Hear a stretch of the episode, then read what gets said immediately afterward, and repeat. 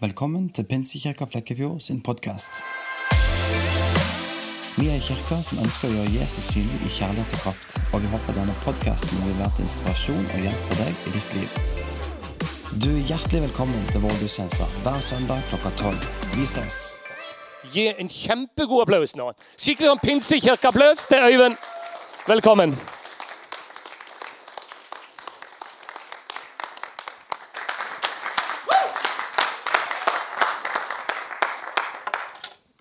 Mange takk.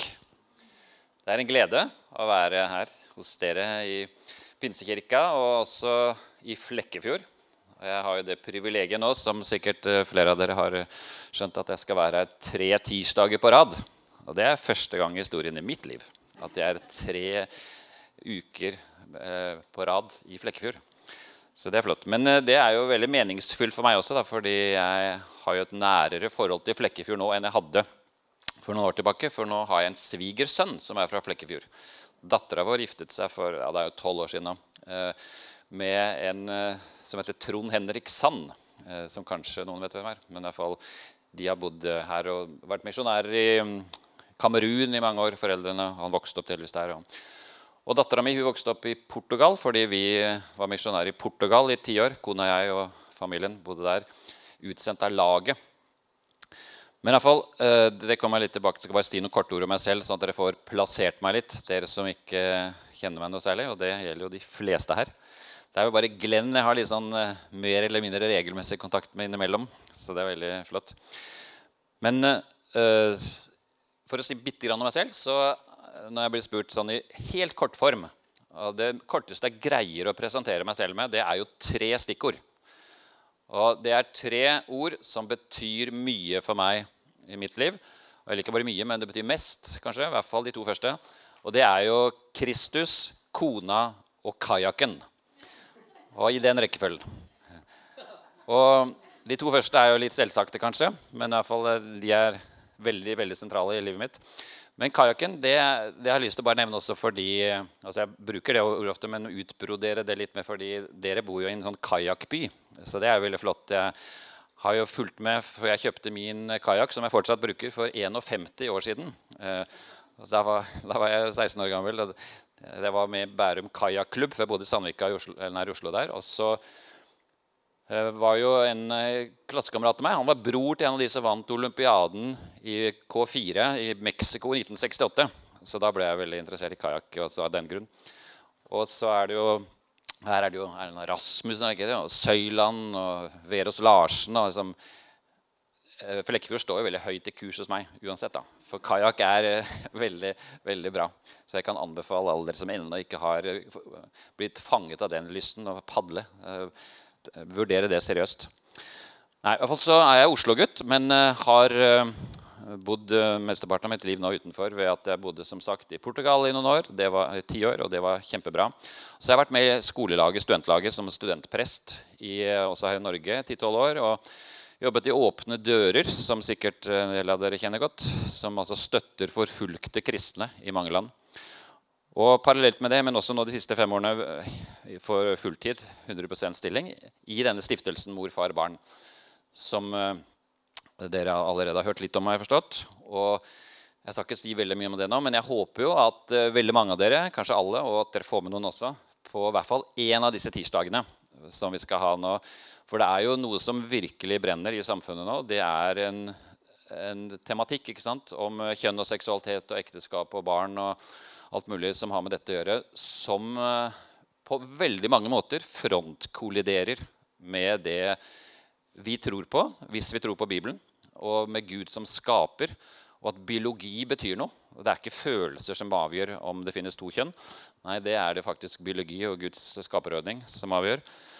Og jeg har ressurser som jeg skal dele ut og, og fortelle mye mye mer om dette selvfølgelig på disse tirsdagene. Særlig den første og tredje.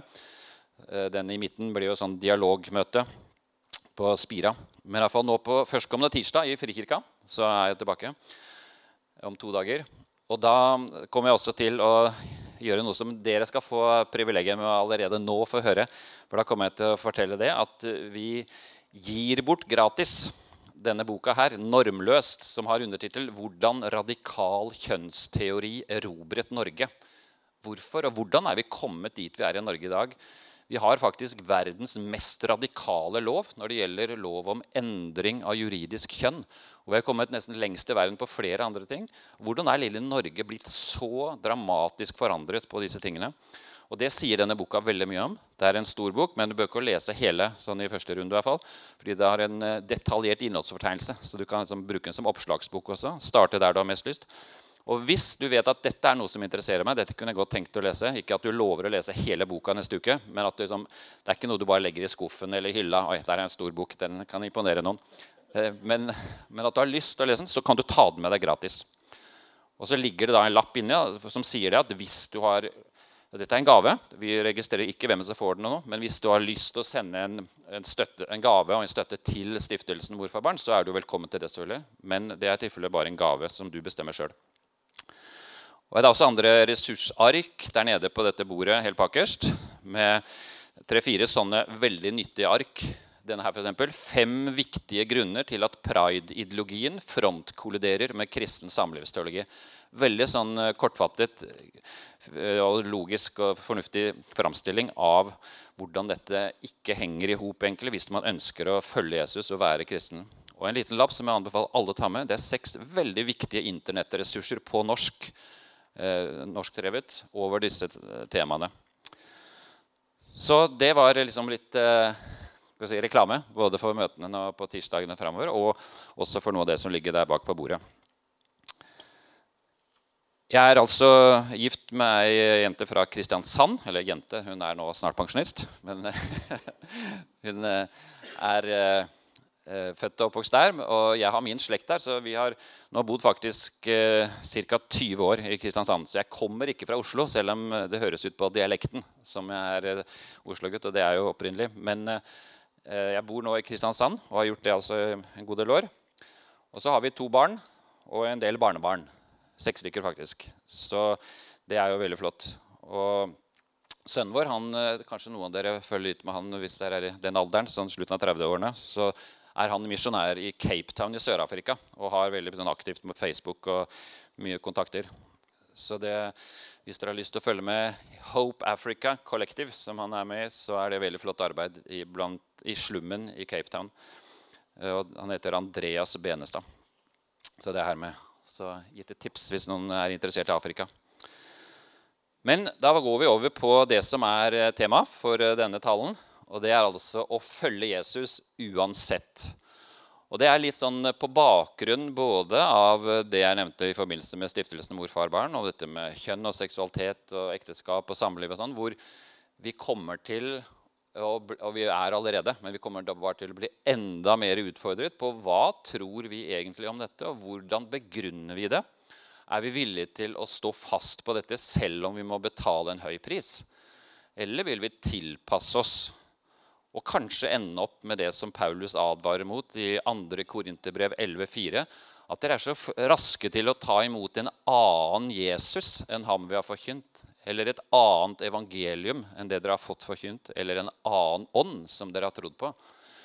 Så dette er veldig alvorlige saker, tenker jeg, fordi ekteskapet, hele seksualetikken, samlivsetikken, er jo en del av Guds skaperordning. Det er skaperteologi på dypt plan, dette her. Og det som skjer nå i Norge, kan være med på ser flere og flere med på å forandre Norge i en negativ retning, hvor ikke minst barn og unge blir mer og mer kjønnsforvirret, mer og mer problemer, mer stabile relasjoner med hvem de er. Alle norske barn har jo nå fått et nytt livsprosjekt. Finne ut om de egentlig er gutt eller jente. For hvis du føler deg som det motsatte, så er du kanskje det. Og hvis det da begynner med hormonbehandling, slags, så blir du steril for resten av livet, får bivirkninger resten av livet osv. Og det er bare så mye alvorlig som nå kan skje i de nærmeste årene. Og der er spørsmålet er vi lys og salt. Eller er vi bare sånne som følger med strømmen? Så Det er en eh, bakgrunn for dette temaet. En annen bakgrunn det er jo det som eh, jeg har vært og er veldig opptatt av, nemlig alt det vi kan lære og bli inspirert av eh, fra våre forfulgte trossøsken i mange, mange land. Bare Åpne dører jobber i 60 land hvor kristne betaler en høy pris for sin tro. og det fins andre land også som det er tilfellet i. Så vi har en stor del av familien vår, vår verdensvide familie, som lever under helt andre vilkår, og hvor vi har mye å lære. Og hvor også både støtte og be, men også å ta imot eh, deres visdom og deres livserfaringer, og hvordan de står fast uansett midt i den kampen de står i. Og det er som en uh, sa, som uh, jeg selv opplevde det ikke, men jeg bare hørte det fra en kollega som var i Egypt og sa det at vi ber for dere. Vi vet at dere i Egypt, kristne i Egypt har det veldig tøft. Så vit det at det er mange som ber for, oss, nei, for dere i Egypt. Ja, så flott. Fortsett med det. Det trenger vi. Men vi ber også for dere i Norge. Og dere trenger det kanskje enda mer enn oss. Å, hvordan det? Jo, for vi opplever forfølgelse, men dere opplever forførelse. Og det er jo mye mer alvorlig. Og det er det en ganske dyp sannhet i. Forførelse, forblindelse, formørkelse, eh, vranglære. Altså det å begynne å tilpasse Jesus. Å lage sånn menneskeskapt Jesus i vårt eget bilde. Som liksom er eh, noe av den store faren i vår tid. Så dette med hva vi kan også bli inspirert av våre trossøsken i andre land, det er noe av det som også er bakgrunnen for det temaet her. Å følge Jesus uansett. Og Da har alle sammen, håper jeg, fått et sånt lite gult ark. Hvis ikke, så kanskje kunne rekke opp hånda hvis det er noen som ikke har fått. Så er det flott. Og det er en helt bakerst der også, ser jeg. Så, så, dette er disposisjonen uh, for det jeg har tenkt å si. Og så kan dere da selvfølgelig ta med dette arket. Det skal ikke leveres utgangen. Dette tar dere med hjem. Uh, og putter det eventuelt i Bibelen, men gjerne bruker det som et bibelstudium for noen dager, eller kanskje i en uh, husgruppe, en bibelgruppe, og prater om det. Gjør hva dere vil med det. Selvfølgelig. Men i hvert fall, dette er disposisjonen som jeg har tenkt å si litt om, og som gir gode grunner for å følge Jesus uansett. Og da er det det første ordet som vi starter med, og det er krybben. Viser at Guds verdiskala er annerledes. Og Krybben er jo en metafor, et bilde, en illustrasjon på nettopp dette at Guds måte å tenke på er bare så vanvittig forskjellig veldig ofte fra vår. For Da Jesus kom til jord, da Gud ble menneske, så kom han ikke inn i et palass eller ble født med kongelig pomp og prakt. Han kom på det lavest, dypest mulig tenkelige inn i en stall født blant dyr. Det, I vår tid så er det de færreste som gjør det. Men på Jesu tid så var heller ikke det vanlig. Men han ble født helt ned på bunnen av rangstigen. Og hvis vi hadde skulle regissert hele Jesu komme til jord, så hadde vi nok gjort det på en litt annen måte. Og Særlig hvis vi hadde snakket med rådgivere i PR-byråer. og sånn. Hvordan skal vi presentere Jesus når han kommer?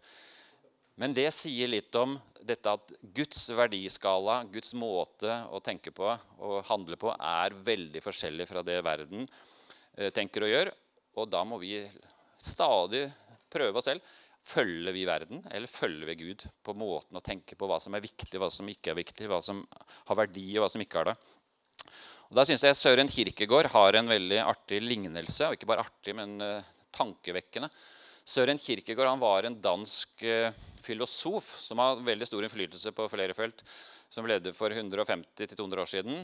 Og som var en bevisst uh, kristen, og som uh, hadde mye fornuftig å si om forholdet mellom uh, det kristne livet og samfunnet og troen og Bibelen. Men han sa det en gang at Guds rike kan sammenlignes med følgende lignelse, nemlig at noen tyver brøt seg inn i et stort varemagasin, en diger butikk med masse forskjellige varer som ble solgt. Men i stedet for å stjele så gikk de rundt og så byttet de prislappen på mange av varene. En, en stor møbel, en sånn sofaseksjon som koster la oss si 20 000 kroner. Nå kunne du få kjøpt den for 300 kroner. Og en, eh, en liten penn til 20 kroner kostet nå 730 kroner. Og så videre. Byttet prislappen på masse varer i butikken. Fullstendig forvirring og kaos da kundene kom dagen etter. Skjønte ingenting. Og sånn sier Søren Kirkegård at sånn er Guds rike. Det er et bakvendt land ting er snudd på hodet i forhold til det vi ofte tenker som mennesker hvis ikke vi har Jesus i livet. Og Det er jo helt i tråd også med mye annet, ikke bare krybben, eh, hvordan Jesus kom til jord, men også i de, de verdiene som eh, Bibelen formidler til oss. Og F.eks. det Paulus sier i det henvisningen som står der på arket, 1. Korinterbrev 1, siste delen der. Jeg skal bare lese noen få setninger fra det avsnittet. Det som i verdens øyne er dårskap, det utvalgte Gud for å gjøre de vise til skamme. Og det som i verdens øyne er svakt, det utvalgte Gud for å gjøre det sterke til skamme. Ja, det som i verdens øyne står lavt, det som blir foraktet, det som ikke er noe, det utvalgte Gud. Og Det er utrolig sterke ord, og som bør være en, en eh, påminnelse til oss stadig vekk om at eh, vi må ikke la oss påvirke og influere av alle mulige budskap som, som, pøses ut hele tiden, og som vi blir påvirket av, hvis ikke vi tar motgift.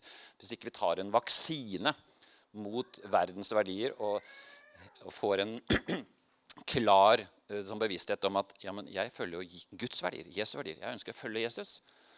Og da er det så mye spennende å oppdage og leve i ut ifra det både Jesus sier og det som Paulus sier, og hele Bibelen, egentlig, på at uh, Guds verdier er annerledes.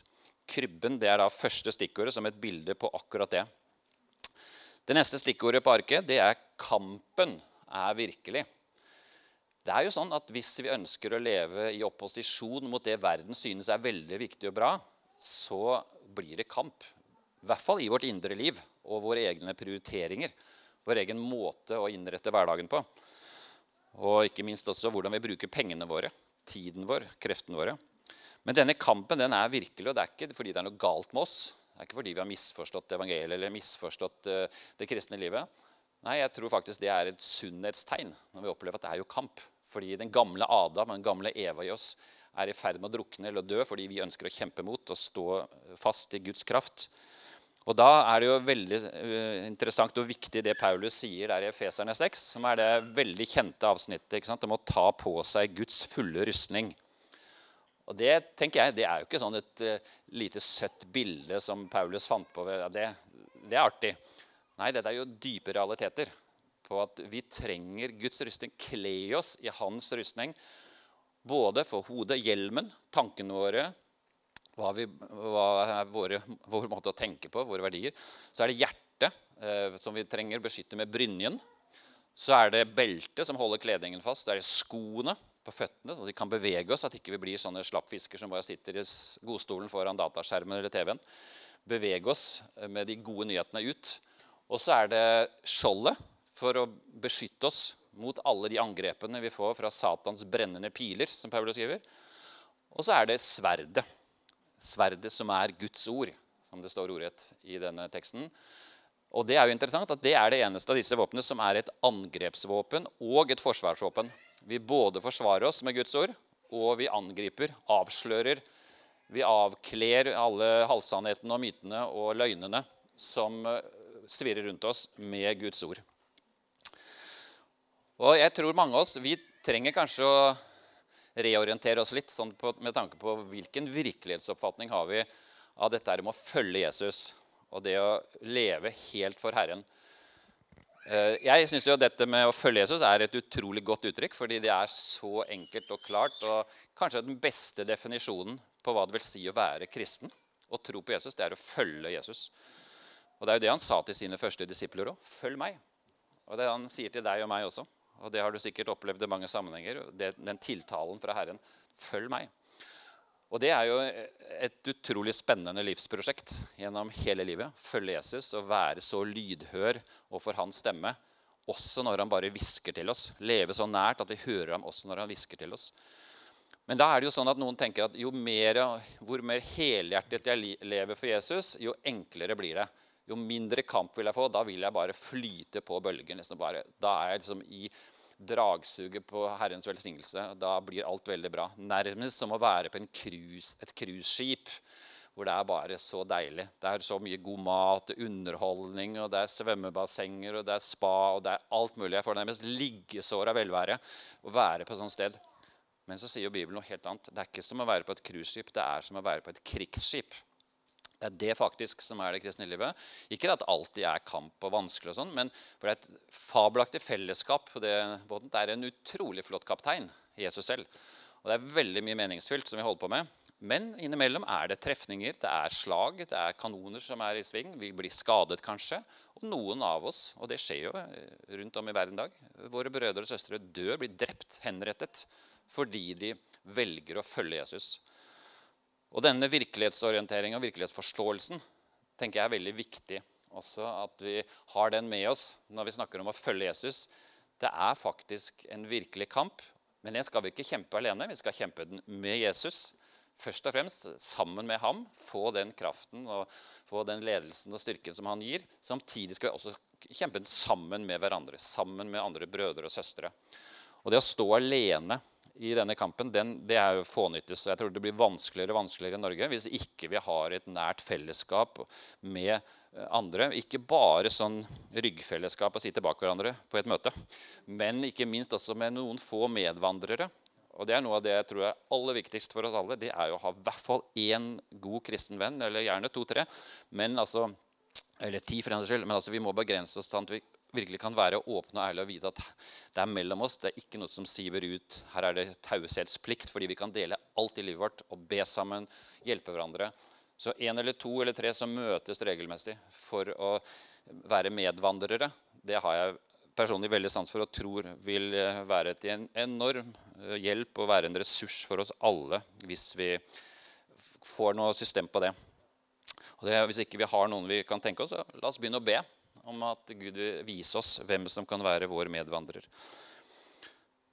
Og så står det noen stikkord her også under, der nederst på det punktet. Kampen er virkelig at uh, det er troens strid. Altså, Paulus skriver i flere sammenhenger om troens gode strid. Jeg har, fullført løpet, bevart troen og kjempet den gode strid. Og det er også andre steder det står om dette, hvor det er så tydelig at uh, det å leve med Jesus, det innebærer også kamp. Og det er jo ganske interessant at i Bibelen, eller Nytestamentets 27 skrifter så står det noe om prisen for å følge Jesus. At det kan være lidelse, det kan være kamp, det kan være problemer fordi vi møter motstand. Det står det om i 24 av Nytestamentets 27 skrifter. Så det er noe om prisen for å følge Jesus i det store flertallet av skrifter i Nytestamentet. Og det sier litt om at dette er ikke en sånn parentes eller en liten detalj som vi bare kan overse. Det bør vi faktisk ta litt på alvor. Ikke bare litt, men mye. Og da er spørsmålet også, tenker jeg, eh, hvilket evangelium og hvilken bibel leser vi? Eh, for det er nok en del av oss tenker jeg, og jeg merker det selv av og til også, at det er veldig lett å lese i det femte evangeliet. Eh, og det femte evangeliet det er alle de versene jeg har understreket eller gulet ut med, med sånn markeringstusj. Og som er som trøstevers og alle privilegier og bønnhørelse. Alt sånt flott som er en del selvfølgelig av evangeliet og de gode nyhetene. Men hvis vi bare lever på sånne vers og ikke leser hele Nytestamentet og tar Guds ord for det der, nemlig sannhet også i det vi syns kan være vanskelig, så blir det feilernæring, kort og godt, som kristne. Og så Vi må ta til oss mye mer enn bare det femte evangeliet. Vi må ta til oss de fire evangeliene. Det femte det er bare sånn dessert ved siden av. Når vi har behov for det, så skal vi bruke det, selvfølgelig. Kraften er eh, det neste stikkordet på arket. Og kraften, det er eh, det vi får som en del av Guds eh, gavepakke når vi tar imot Jesus og når vi følger ham. Både kraft til å vandre videre, kraft til å reise opp igjen, kraft til å gå ut av komfortsonen, gjøre ting som vi ikke vanligvis kanskje trodde vi kunne få til, og som ikke vi tør. Og jeg syns ordet kraft er veldig interessant, fordi på gresk som jo Nytestamentet er skrevet på, så heter kraft dynamis. Nesten alle steder hvor du leser ordet kraft og krefter på, eh, ja, i Nytestamentet, så står det på originalen dynamis. Og det har jo vi også på norsk. ikke sant, det ordet dynamitt. Dynamisk. Det er noe kraftfullt, og det er noe som eh, fungerer. Og dynamitt som eksploderer. Og så er det dynamo, som også er samme ordet fra dynamis. Og det produserer kraft. En dynamo produserer jo kraft når dynamoen kommer i bevegelse. Og, eller bilen eller sykkelen, sånn at eh, dynamoen begynner å svirre rundt. Og Da produseres det kraft, og det synes jeg er et veldig illustrerende bilde på det som skjer med oss når vi kommer i bevegelse for Jesus og for hverandre, når vi tar Gud på ordet, når vi går i tro uten å hele tiden eh, ha reservasjoner, ikke tør og ikke vil, men fordi vi tar Gud på ordet. Ikke nødvendigvis bare alene, men også som menighet sammen med andre. Når vi går, kommer i bevegelse, så får vi kraft underveis. Fordi det er dynamoen i gang med å produsere kraft. Vi kommer oss opp av godstolen. Og det syns jeg er eh, et veldig godt bilde. Eh, vi, vi får ikke kraft fordi vi bare sitter og venter. Men vi får kraft særlig når vi kommer i bevegelse, og vi trenger den kraften. Og jeg syns eh, det sies jo veldig godt også. En av de aller siste setningene Jesus sa til disiplene, var jo dette i apostelgjerningene 1,8. At dere skal få kraft når Den hellige ånd kommer over dere. Og dere skal være mine vitner i Jerusalem og hele Judea, i Samaria og like til jordens ender. Vi, skal, eh, disiplene og vi skal få kraft når vi kommer i bevegelse, er vitner, går ut og driver misjon. Når vi virkelig tar Gud på alvor og er lys og salt, er eh, mennesker som ønsker å spre de gode nyhetene til stadig nye. Da får vi kraft fordi dynamoen er i, gang. Da går vi til tredje stikkordet. Nei, men i fjerde. unnskyld. Etter krybben, kampen og kraften så er det korset. Korset det er hans kors, altså Jesu kors, som jo uten sammenligning er det som betyr noe her, eh, og som er skikkelig viktig. Verdenshistoriens viktigste hendelse, det som skjedde på Golgata. Og som eh, sannheten i det som skjedde der, ble bevist ved oppstandelsen. Eh, det som eh, Jesus gjorde på korset, betale vår synd, dø i vårt sted, gi oss mulighet til et helt nytt liv, det er liksom regningen, og så er kvitteringen oppstandelsen. Jo, det er, det er faktisk sant. Det gjelder. Gjelder for meg. Og denne korsfestelsen og dette korset som Jesus hang på, det er jo også noe som jeg har fått del i, og som Paulus skriver ganske mye om. Han skriver eh, flere, over 100 ganger om å være i Kristus. Men så sier han et uh, veldig flott sted som jeg personlig synes er et av de flotteste og mest uh, si, ja, dypeste og mest uh, sånn ja, ekspansive og virkelig grundige og flotte vers som finnes i hele Bibelen. Og det er det Galaterne 2,20. 'Jeg er korsfestet med Kristus'. Kristus lever i meg. Og det liv jeg nå lever her på jorden, det lever jeg i troen på Ham som elsket meg og ga seg selv for meg. Jeg er korsfestet med Kristus. Jeg lever ikke lenger selv. Ja, Jeg glemte den delen. Jeg lever ikke lenger selv, men Kristus lever i meg. Og det er fantastisk dypt og utrolig trosstyrkende og så inspirerende at jeg er korsfestet med Kristus. Jeg har ikke lenger mitt eget liv.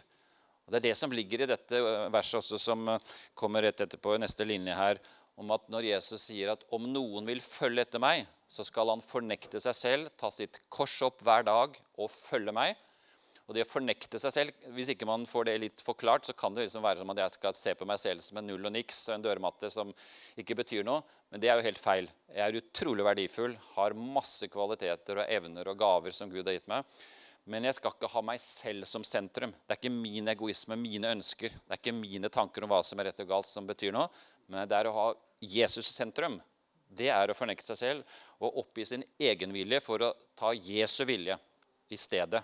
Det er det jeg skal navigere etter. Det er det jeg skal leve etter.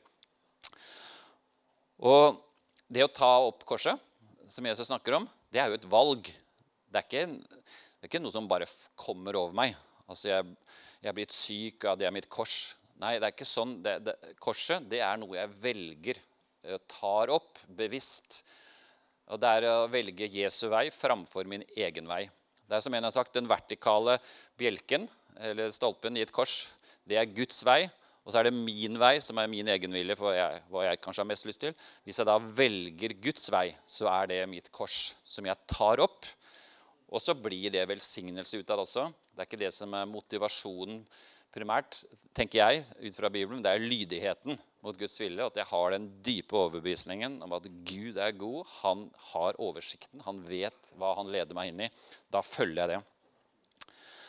Og så er det jo veldig flott det som eh, står i Romerne 6 også, at vi ikke bare er korsfestet med Kristus.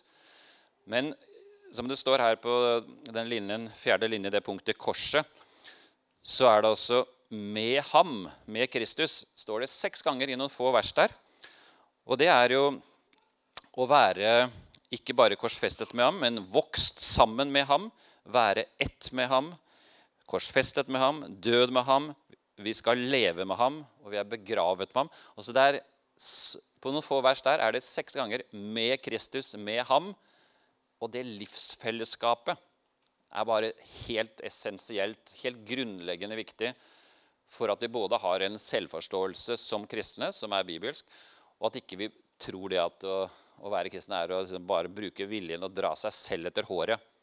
Nei, for Det som betyr noe for å vokse som kristen og følge Jesus, det er jo ikke å ta seg sammen, men det er å være sammen med Jesus.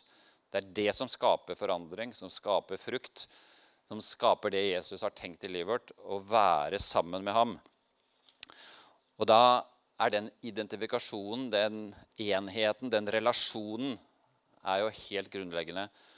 Og det å være kristen det er jo ikke å følge en religion eller regler og ritualer.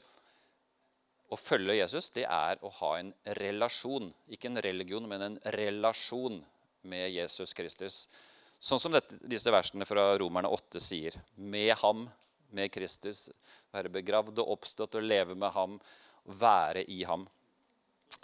Og Da syns jeg det altså er så sterkt og så oppmuntrende at når vi nå snakker om det å følge Jesus uansett, og også se på våre trossøsken som lider for Jesus skyld. Og jeg tror mange av oss også kan komme til å gjøre det mer og mer i årene som kommer. Ikke fysisk, får jeg håpe, men i hvert fall sånn mentalt og psykologisk og, og sosialt. For at vi kanskje blir utstøtt, vi mister venner. Vi, folk vil forakte oss, håne oss.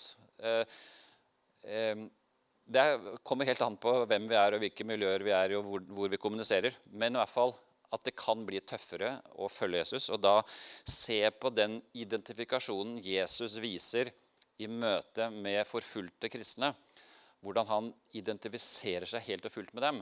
Det er så sterkt i den uh, veldig viktige hendelsen som skjedde i ca. år 34. Da Paulus, Saul het han da, var en aktiv kristenforfølger han var på vei til Damaskus for å fengsle kristne, sette dem i fengsel, kanskje få noen av dem drept. På veien dit så møtte han Jesus i et syn. Og Da kjenner sikkert veldig mange av dere eh, til det som skjedde da, nemlig at han så dette synet og hørte stemmen 'Saul, Saul, hvorfor forfølger du meg?' Så svarte Saul, 'Herre, hvem er du?' Og svarte Jesus, 'Jeg er Jesus, ham du forfølger.' Og Det er så tankevekkende og så sterkt at Jesus sier ikke 'Saul, Saul, hvorfor forfølger du de kristne?' Han sier, 'Saul, hvorfor forfølger du meg?' Og han sier ikke, da han svarer på spørsmålet fra Saul, 'Hvem er du?' 'Jeg er Jesus, Herren til dem du forfølger.' Han sier ikke det. Han sier, 'Jeg er Jesus, ham du forfølger'. Og den identifikasjonen der som Jesus har med mennesker som betaler en pris fordi de har valgt å følge ham. Og uansett hva som skjer, så vil de holde fast på Jesus, gjøre hans vilje og leve i relasjon til ham. Sånn som eh, veldig mange, eller de aller fleste første kristne gjorde, og som millioner av kristne i dag også gjør, så er det det det handler om at Jesus lider sammen med oss. Og det er for deg og meg også, hvis vi blir uttenkt, hvis vi mister noen venner, hvis det er noe som skjer her i Norge i tiden som kommer, så kan vi vite det. Jesus er der også. Han, det er han som egentlig blir forfulgt. Det er han som egentlig blir utstøtt og hånt.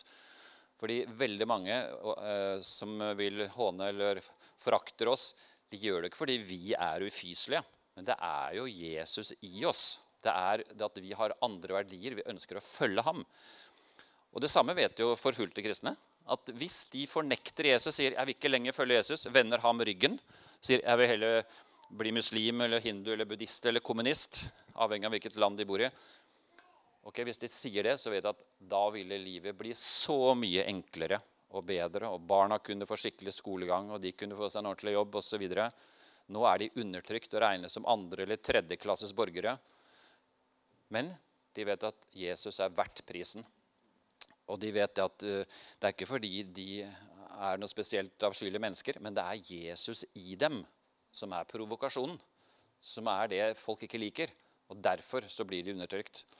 Og det samme tror jeg mer og mer vil komme også i Norge. Og jeg har jo merket forskjell bare på de to-tre siste årene, hvor det ikke lenger er sånn at uh, vi kristne er liksom de fromme som tror vi vet best. Nei, nå er ikke vi lenger de fromme eller noen som er spesielt liksom, snille og greie. Nei, nå blir jo flere og flere kristne, det har jeg snakket med folk sjøl også, som, du ser det også på sosiale medier. Sånn. Nå blir vi ofte regnet som de ondskapsfulle. Ikke at vi er sånne spesielle tror vi er nå. Nei, vi er de ondskapsfulle. Som ikke vil være med på de trendene som nå er på flere områder, og ikke minst eh, på dette med kjønnsområdet. Så det er eh, mye som skjer, og da er det så utrolig viktig å ha grunnvollen i orden, og hvor vi lærer av våre forfulgte trossøsken. Og Da har jeg lyst til at vi skal se en eh, liten sangvideo, musikkvideo med en veldig flott sang som heter 'En bror langt borte'. Som ble laget for noen år siden til eh, Åpne dørers 30-årsjubileum. og Den sangen er skrevet av Tore Thomassen, og melodien er av Jon Kleveland, som er organist, eh, musiker i Kristiansand frikirke. Og blir sunget av et jentekor i Frikirken for noen år tilbake. Og Den sangen har både en veldig sterk tekst og også bilder som er veldig talende. Så hvis dere kan slå av noe lys her, så dere ser så godt som mulig, sånn ja, supert, så ser vi da denne filmen med litt skikkelig lyd på, sånn at vi hører teksten godt.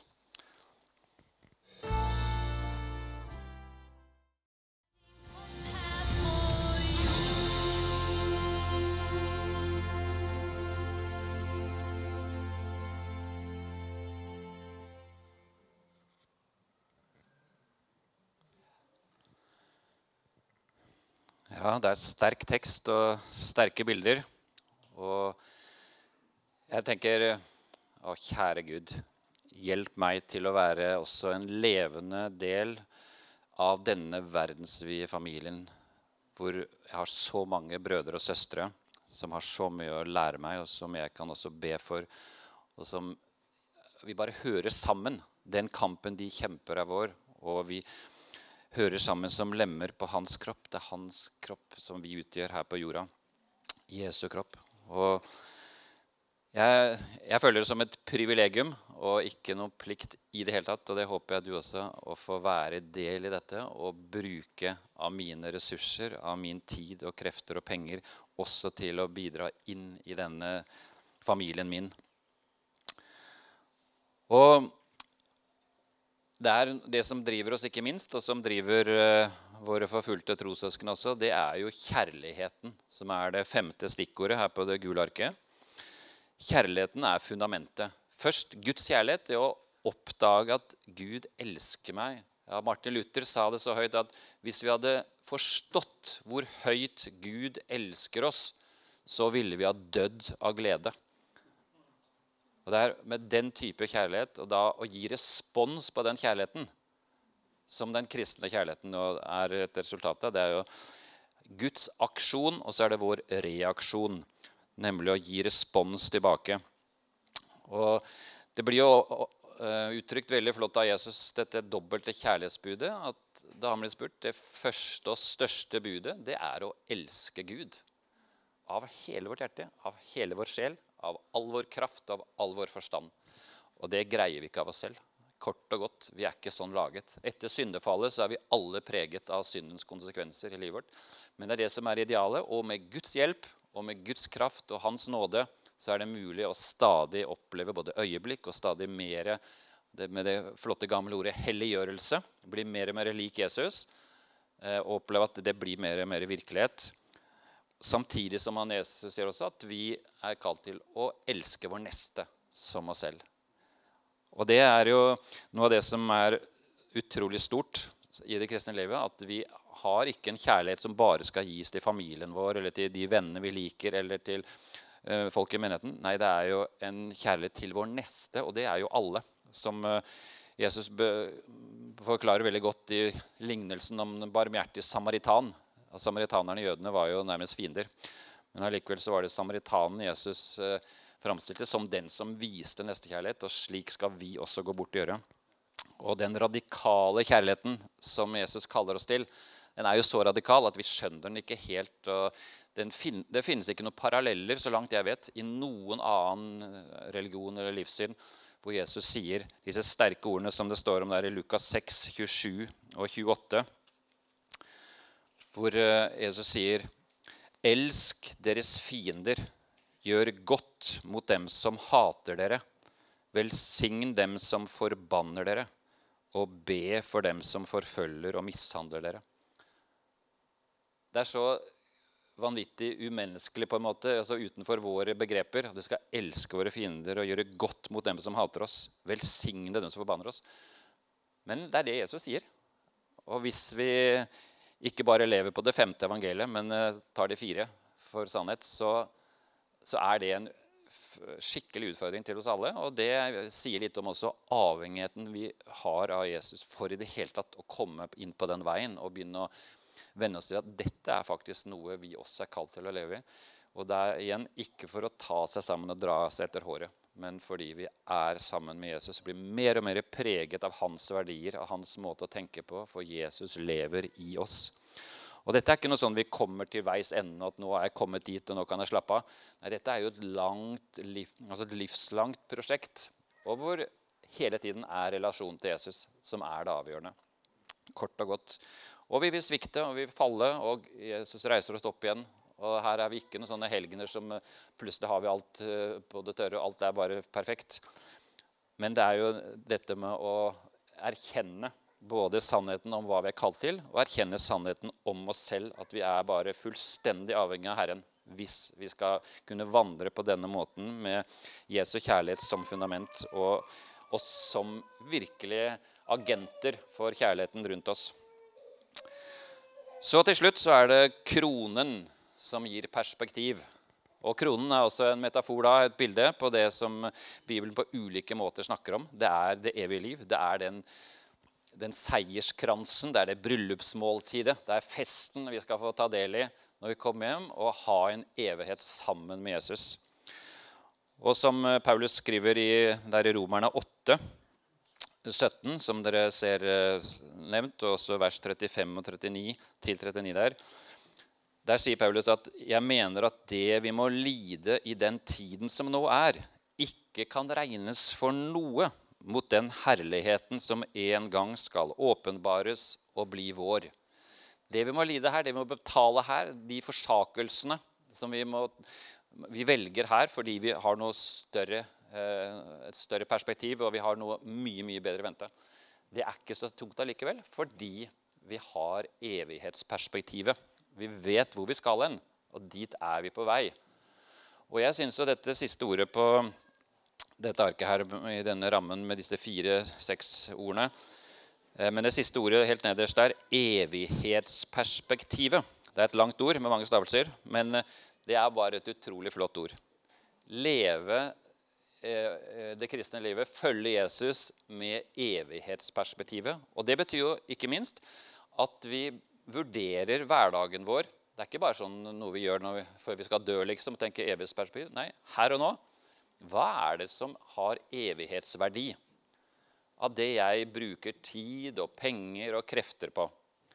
Bare sånn med pengene, eh, som jeg syns er utrolig undervurdert betydning. og som er så alvorlig sak, egentlig. Du kan ikke tjene både Gud og mammon, sier Jesus. Han sier at det som kveler ordet hos deg og meg, alle som hører ordet og, og gir respons på det, noe av det som kveler ordet, det er jo eh, materialismens forførelse. Det er pengenes bedrag, som jeg sier. Og så er det lysten på alle andre ting. Og så er det alle mulige bekymringer. Det er det som står i lignelsen om såmannen, det som kveler såkornet pengenes bedrag, lysten på alle andre ting og bekymringer. Og tiende det er av mine, en av mine kjepphester. Ja, det vil jeg virkelig anbefale hver av dere også.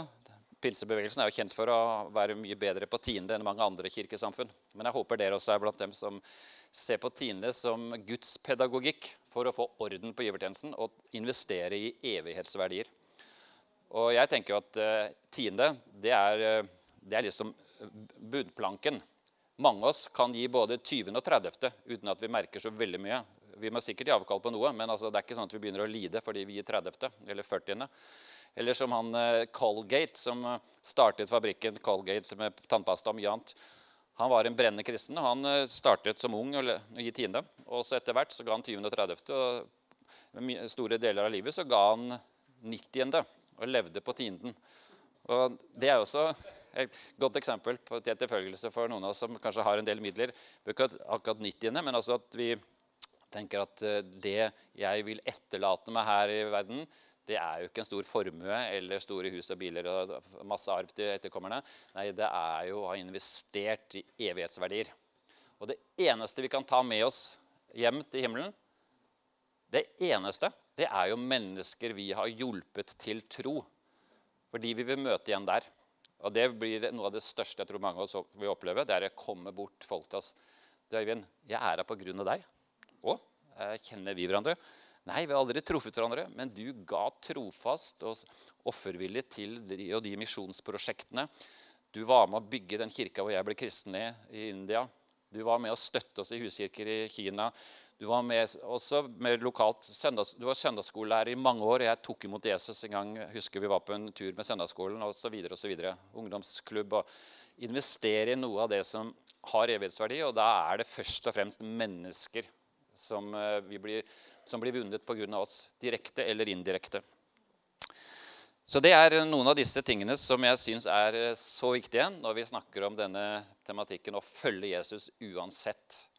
Ikke fordi verden eh, jubler og syns vi er veldig eh, flotte mennesker nå, nei, men fordi Jesus gleder seg, og det er stor glede i himmelen blant englene og hos Gud selv at her er det en mann, en kvinne, en jente, en gutt som har valgt å høre på meg, lyde meg, følge meg og være autoriteten i livet.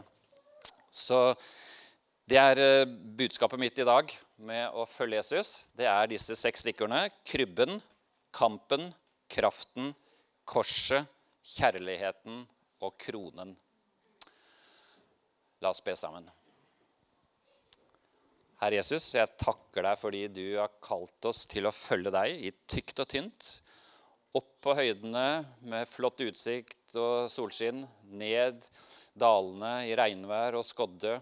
Gjennom dødsskyggens dal, både når det gjelder andre og når det gjelder oss selv. Herre, det å følge deg tett inntil og vite det at uansett hvor du går, så vil jeg være med.